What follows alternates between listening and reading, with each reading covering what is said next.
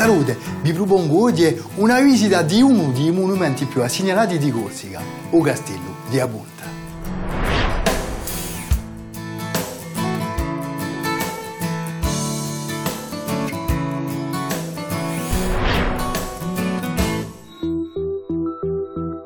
Il castello di Abunta, che sopranedia la città di Iacciu, rappresenta per i corsi un elemento patrimoniale di prima trinca. Ma quando è che è stato costruito? In 1883, il duca di Lormo e Violo Carlo Pozzo di Borgo comprano le pietre di un padiglione Bulan dell'antico palazzo di Tuileries in Parigi e decidono di fare un castello di stile rinascita in Alatta.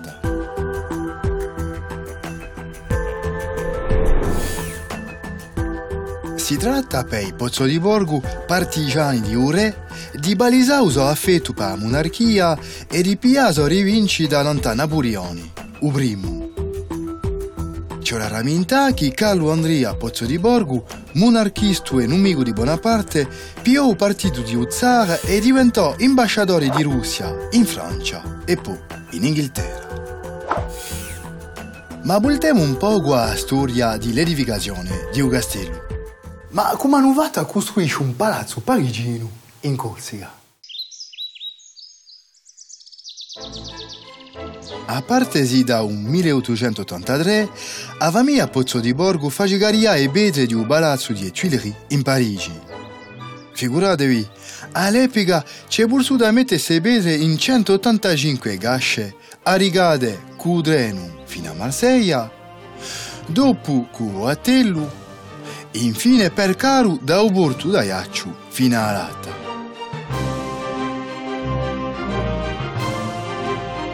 Un castello parigino in Corsica ci voglia falla. Il castello fu compiuto in 1891.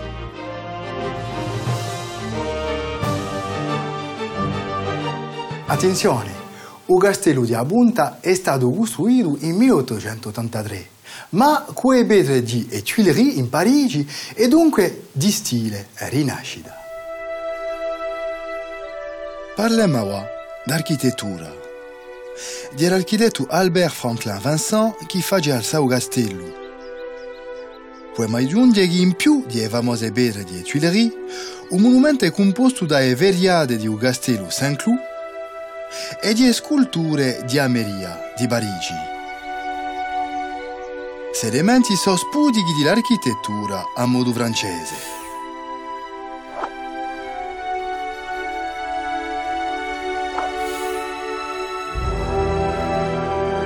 Qui si vede la facciata che dà un parco.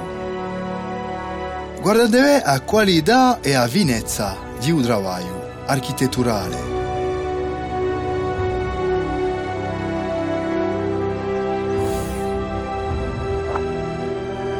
Qui avete culone corintiane al primo piano e poi in giù le culone ioniche.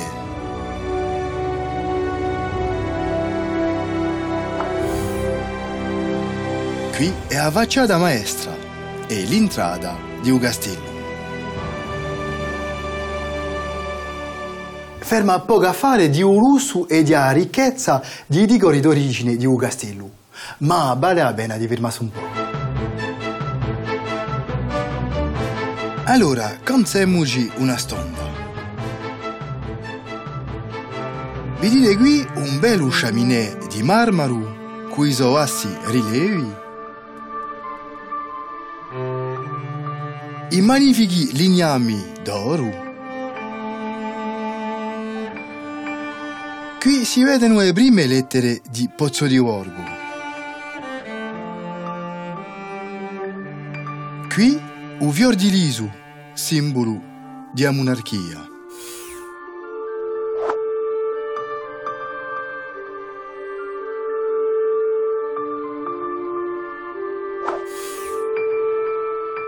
Vi propongo dentro in la biblioteca. Si vede che Pozzo di Borgo era una famiglia ricca e potente assai.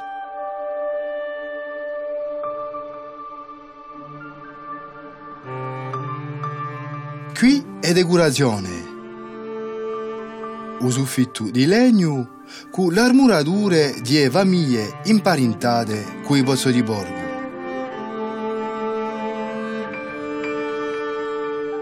A spesso sono famiglie nobili.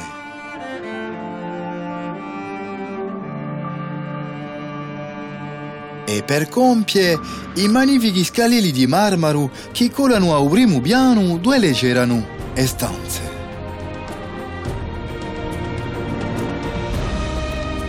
Ma a chi ne siamo oggi?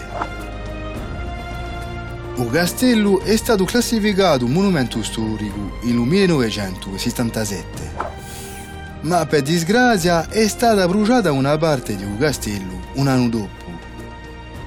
In un frattempo è tocca al Consiglio Generale a comprare il palazzo, ma ci vorrà milioni e milioni